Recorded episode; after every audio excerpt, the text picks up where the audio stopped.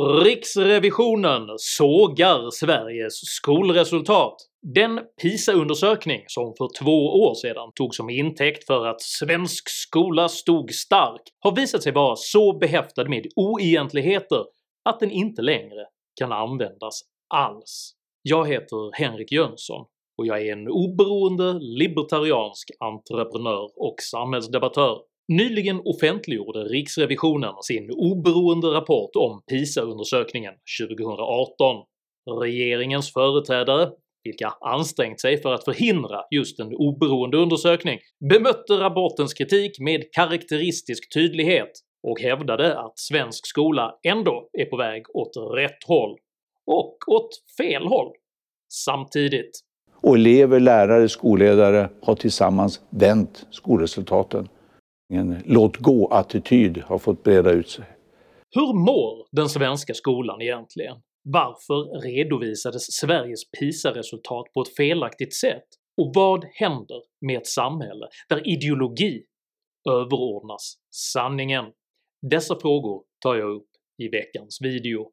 Jag har lyckats inhämta grundläggande klassisk bildning trots det svenska skolsystemet. Om du uppskattar mina försök att dela med mig av denna kunskap i form av videokrönikor så hjälper du mig att fortsätta detta arbete om du stöttar mig via något av betalningsalternativen här ute till vänster. Det är endast tack vare ert generösa stöd som jag kan fortsätta att släppa aktuella nya videokrönikor varenda vecka, så ett stort stort tack till de av er som bidrar. Är du ny här på kanalen så kan du dessutom med fördel prenumerera här nedanför, se till att ringa i den där irriterande skolklockan, men se framför allt till att skriva upp dig på mitt veckobrev som finns länkat i videons beskrivning. Så missar du garanterat aldrig när jag släpper nya filmer, vilket jag gör med ett skolschemas precision varenda lördagsmorgon klockan 08.00 svensk tid. Idag talar jag om skola, sanning och spinn. Håll till godo!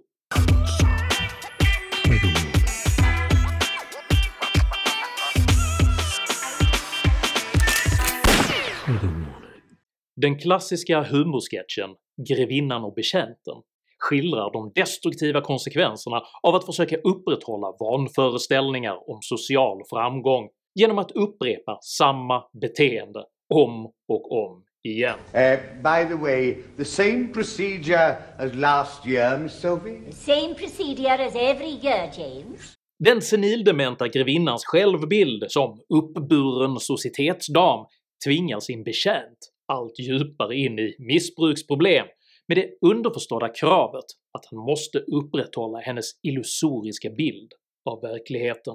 Men ytterst rämnar alltid illusioner, och priset för detta blir högre ju längre man väntar. Skolreformer har lång ledtid, och den svenska förvaltningen har sedan 1960-talet upprätthållit en allt mer verklighetsfrånvänd bild av hur väl det svenska skolsystemet fungerar.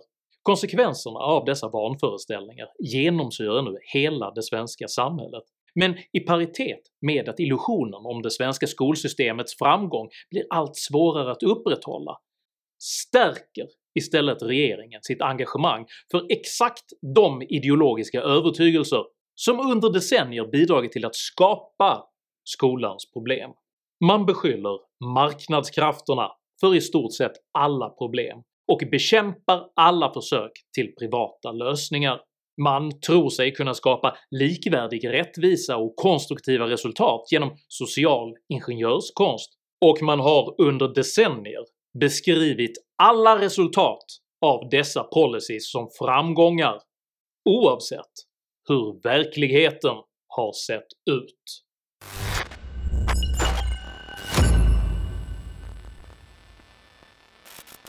I samband med socialdemokraternas maktövertagande under Hjalmar Branting skärptes den statliga kontrollen över samtliga samhällssektorer, och under perioden mellan 1937 fram till 1971 reformerades hela det svenska skolväsendet i grunden med det uttalade syftet att framfostra en helt ny typ av medborgare som var anpassad för det socialistiska samhället.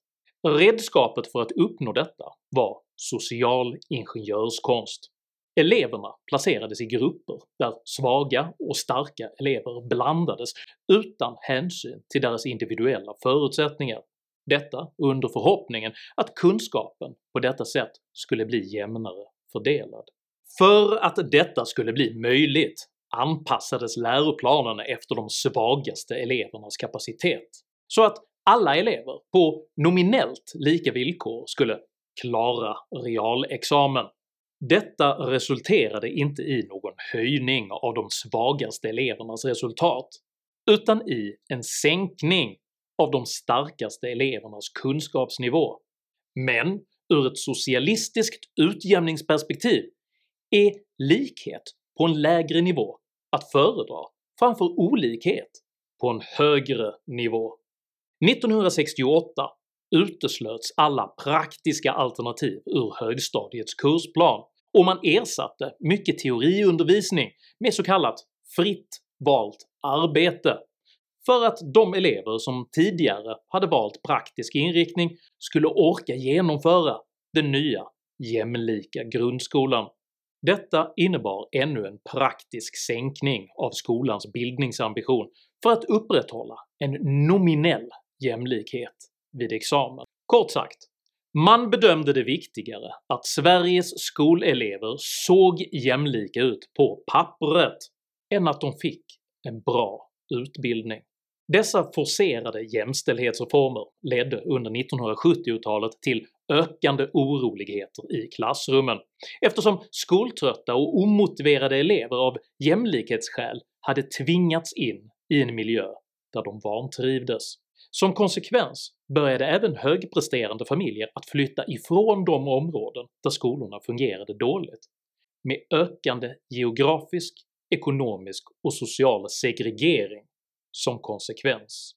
Det sammantagna resultatet av 1900-talets jämlikhetsreformering av skolan blev alltså sämre utbildning, oroligheter i klassrummen och segregation. I samband med den svenska valutakrisen i 1990-talets början kommunaliserades slutligen den svenska skolan med det outtalade motivet att staten inte längre önskade befatta sig med det skolväsende man själv försatt i kris. För att samtidigt kunna möta skollagens krav, genomföra ekonomiska effektiviseringar och motverka den allt mer segregerade svenska skolsituationen genomfördes 1992 den så kallade friskolereformen. Målet var att öka skolutbudet och att introducera marknadsmässig konkurrens genom att ge elever och föräldrar möjlighet att fritt välja skola. Introduktionen av friskolorna blev på många håll en mycket stor succé, där geografiskt bestämda upptagningsområden ersattes med ett fritt skolval. Engagerade föräldrar kunde nu ställa sina barn i kö till de skolor de önskade, oavsett var de hade råd att bo. Konsekvensen av detta fria val blev att välutbildade och svenskfödda föräldrar i allt högre grad började välja ordningsamma och krävande skolor åt sina barn. Detta uttrycker medelklassens rationella försök att skydda sina barn från socialdemokraternas havererade skolexperiment, och det fria skolvalet har därför blivit den socialdemokratiska skolpolitikens nemesis.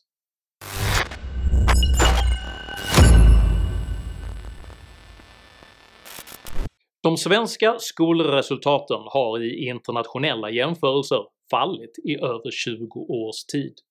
PISA-undersökningarna från både 2003 och 2006 visade på kraftigt fallande kunskaper i både matematik, naturvetenskap och läsförståelse, men det verkliga uppvaknandet kom först med 2013 års PISA-undersökning, där Sverige tappade hårresande 16 poäng jämfört med föregående mätning. Och därigenom hamnade långt under genomsnittet för OECD-området. Detta var ett mycket hårt slag för den svenska självbilden som ledande kunskapsnation, vilket skapade mycket starka drivkrafter för den nytillträdda socialdemokratiska regeringen att snabbt kunna uppvisa förbättrade skolresultat. Och som på beställning gick denna önskan i uppfyllelse när utbildningsminister Anna Ekström redan 2018 stolt kunde deklarera det vara en glädjens dag och att svenska elever åter presterade över OECD-genomsnittet. Sverige ligger nu ordentligt över OECD-snittet i alla ämnen. Som lök på den utjämnade laxen hade resultaten dessutom förbättrats trots att den svenska skolan även tagit emot rekordmånga nyanlända elever, vilket föranledde slutsatsen Det här är ett styrkebesked. Svensk skola står stark. Det enda problemet var att siffrorna inte stämde. Redan sommaren 2020 redovisade kvällstidningen Expressen siffror som visade att en stor mängd lågpresterande elever felaktigt hade plockats bort ur PISA-underlaget. Avslöjandet ledde till skandal och resulterade i politiska krav på en oberoende utredning av hur undersökningen hade genomförts. Detta till synes rimliga krav möttes dock med mycket starkt motstånd från Socialdemokraterna, Miljöpartiet, Centerpartiet och Vänsterpartiet, vilka tillsammans blockerade alla försök att tillsätta en oberoende utredning. Socialdemokratiska Rosa Glücklu Hedin betraktade ifrågasättande av PISA-siffrorna som en konspirationsteori och som ett misstänkliggörande av myndigheter, vilket inte hör hemma i en demokrati. Inte heller den miljöpartistiska riksdagsledamoten Annika Hirvonen höll inne på krutet och jämförde förslaget om att granska siffrorna med populistisk underminering av praktiskt taget hela världssamfundet. Vänsterpartiets Daniel Riazas avslutade denna reservationernas tirad med att fastslå att en utredning vore orimlig. Som om detta inte var nog gick även utbildningsministerns statssekreterare Erik Nilsson i december ut med en debattartikel som även den fastslog att kritiken mot Sveriges PISA-framgångar var konspirationsteorier. I retrospekt får man konstatera att dessa reaktioner sannolikt uttryckt ett fenomen som inom psykologin brukar kallas för överkompensering, vilket beskriver en individ som önskar dölja någonting så kraftfullt att vederbörande istället avslöjar sig själv. Således genomförde riksrevisionen en oberoende undersökning på helt eget initiativ, och därmed var, trots alla försök att upprätthålla illusionen om de fina skolresultaten, anden slutligen ute ur flaskan. Riksrevisionens blytunga kritik avslöjade att felaktigheterna i det svenska PISA-underlaget var ändå större än befarat. Så många som var fjärde 15-åring saknades i det svenska PISA-underlaget. Totalt sett så är det mer än var fjärde 15-åring som inte är med i provet. Som att elever med emotionella funktionsnedsättningar, hemmasittare och elever som kan tänkas att det är jobbigt att skriva provet valts bort. Regeringens företrädare börjar nu enligt bekant mönster istället att skylla ifrån sig. Utbildningsminister Anna Ekström skyller på Skolverket. Jag konstaterar utifrån rapporten att Skolverket hade kunnat göra mer. Skolverket skyller i sin tur på skolorna. Det var den förklaring vi hade och den eh, fick vi utifrån de samtal som vi hade med de deltagande skolorna. Återigen, det var det svar vi fick av skolorna. Samtidigt höjs nu frågande röster om varför utbildningsministern överhuvudtaget flyttade ansvaret för PISA-studierna från den mer oberoende universitetsvärlden till det maktmässigt mer närliggande Skolverket. Det här är första gången som Skolverket ansvarar för själva administrationen av det. Gången innan var det Mittuniversitetet, det var forskare, de var väldigt angelägna om att så många som möjligt skulle göra att det här var någonting viktigt, det var någonting på allvar. Det är viktigt att mäta det här i Sverige för att veta hur vårt skolsystem ligger till, vad vi bör förbättra, vad vi redan är bra på. Medan Skolverket var väldigt noga med att säga att det här är naturligtvis frivilligt och den som inte vill göra det behöver inte göra det. Och det är klart, då sänder man en signal. Om det, man tror sig vara svag så är det ganska stor sannolikhet att man, att man inte går på provet. Som nästa fas inleds en avledningsmanöver Skolverkets generaldirektör gör gällande att Riksrevisionens kritik har förvrängts och utbildningsministern försöker flytta uppmärksamheten till andra studier än PISA under förevändningen att Sveriges resultat även utan PISA är på väg åt helt rätt håll. Även om svensk skola inte är så högpresterande och jämlik som den var när den var som bäst, så visar svensk skola att den står stark och befinner sig i en positiv trend trots de många utmaningar som finns. Och vi ser också från resultaten i den stora studien TIMS ett tydligt trendbrott. Ja, den senaste det är ju TIMS undersökningen och även där är det över genomsnittet när det gäller både exkludering och att man inte kommer till provet även om man är uttagen. Utbildningsministern får nu eldunderstöd av Sveriges statsminister som i sitt första majtal skyller alla skolans brister på marknadskrafterna. Årtionden av vinstjakt och kostnadspress i välfärden har nått vägs ände. Men under några årtionden så har marknaden i hög grad fått ta över kontrollen över skolans utveckling. En låt-gå-attityd har fått breda ut sig. Detta trots att 75% av Sveriges bäst rankade skolor är just privata och att antalet sökande till privata skolor ständigt ökar i hela riket. Det här är inte pragmatism utan ortodox ideologi och då spelar det ingen roll att de åtgärder man föreslår är samma åtgärder som skapat problemen, för ideologin är viktigare än resultaten. Av denna anledning framhåller statsministern nu, precis som på 1960-talet, att skolans centrala problem är sociala klyftor. Och skolsystemet, och det här är kanske det allra viktigaste, började öka klyftorna i samhället istället för att motverka dem. Och hur ska man då minska dessa klyftor? Jo, genom att överföra beslutsmakten rörande barnens skolgång från deras föräldrar till statsmakten. Idag delas eleverna upp mellan olika skolor och det beror bland annat på dagens orättvisa utformning av skolvalet där friskolor får använda sig av egna köer. Det är otroligt orättvist och det gör att platser redan är paxade när det är dags för de flesta att välja skola. Statsministern är djupt bekymrad över att ett fritt skolval innebär att elevplatser paxas.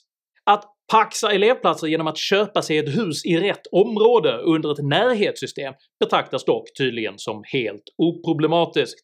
Som grädde på det socialistiska moset introducerar statsministern nu ett metafysiskt klassperspektiv. Och så länge kötid finns, kort eller lång, så kommer den elev som har föräldrar som arbetar vid en dator ha fördel i skolvalet framför den vars föräldrar sliter i vården eller kör buss. Hur en terminalarbetare på SJs resetjänst har någon betydande fördel i kösystemet framför en Swebus-chaufför är dock högst oklart. Gissningsvis baseras detta på någon typ av dimmig föreställning om att dator på jobbet innebär att man kan typ köa på arbetstid.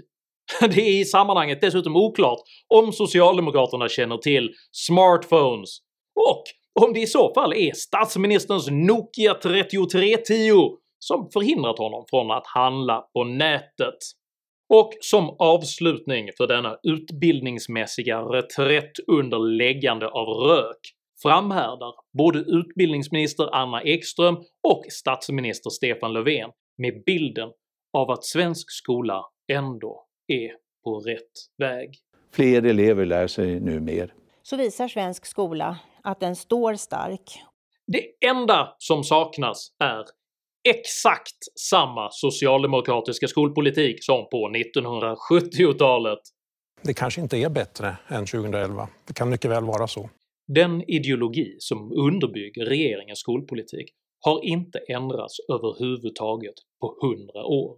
Den instrumentella och kollektivistiska människosyn som karaktäriserar socialdemokratisk politik förutsätter att individen står försvarslös inför både marknadskrafterna och världens ondska, med endast den socialistiska staten som värn och skydd. Eftersom socialdemokratin betraktar statsmakten som unikt rustad för att kunna förverkliga det goda samhället kan alla andra principer underställas detta mål. Att skildra 1960-talets kunskapserosion som en seger för jämställdheten och 2010-talets kollapsade skola som stark och på rätt väg blir således legitima nödlögner för att upprätthålla folkets stöd och förtroende under förverkligandet av den utopiska staten. Att beskylla varje tillkortakommande, varje problem och varje missförhållande på marknadskrafterna, även då dessa ofta i själva verket står för de lösningar som faktiskt ännu fungerar i Sverige, blir likaledes legitima nödlögner under förverkligandet av den utopiska staten. Och ambitionen att genom social ingenjörskonst försöka fostra individen till en socialistisk medborgare representerar det slutliga förverkligandet av den utopiska staten. Således har den socialdemokratiska skoldebatten egentligen aldrig handlat om hur samhället kan höja utbildningens kvalitet, utan primärt om hur skolväsendet kan förverkliga den utopiska staten. Det är således irrelevant om en privat skola levererar bra resultat, den betraktas istället som intrinsikalt dålig eftersom dess driftform står i konflikt med förverkligandet av den utopiska staten. Det är likaledes irrelevant om ett fritt skolval ger högre elevnöjdhet, eftersom individuella val står i konflikt med den utopiska staten. Tvingande regelsystem förbereds just nu för upprätthållandet av en allsidig social sammansättning i alla svenska skolor. Socioekonomiska förhållanden ska viktas in i antagningsunderlagen och i bostadspolitiken planeras redan på sina håll inkvotering av familjer med försörjningsstöd i alla nybyggda fastigheter. Alla ska med. Ingen kommer undan. För den utopiska staten måste förverkligas utan avvikelse från den ideologiska övertygelsen. The same procedure as last year, Miss Sophie? The same procedure as every year, James. Tycker du att föräldrar är bättre lämpade än byråkrater för att fatta beslut om sina egna barn? I så fall tycker jag att du ska dela den här videon med dina vänner, och varför inte prenumerera på min YouTube-kanal när du ändå är i farten? Har du egna erfarenheter av problem i den svenska skolan? Dela i så fall gärna med dig av dina upplevelser i kommentarsfältet här nedanför. Jag uppskattar all respektfull kommunikation. Kom dock ihåg att alltid vara artig, även mot dina meningsmotståndare. Jag tolererar inte aggression, personpåhopp eller rasism i mina idédrivna kommentarsfält. Tack för att du som kommenterar respekterar detta. Jag heter Henrik Jönsson, och jag är bättre på att avgöra mina barns behov än ideologidrivna socialdemokratiska skolbyråkrater. Tack för mig, och tack för att ni har lyssnat.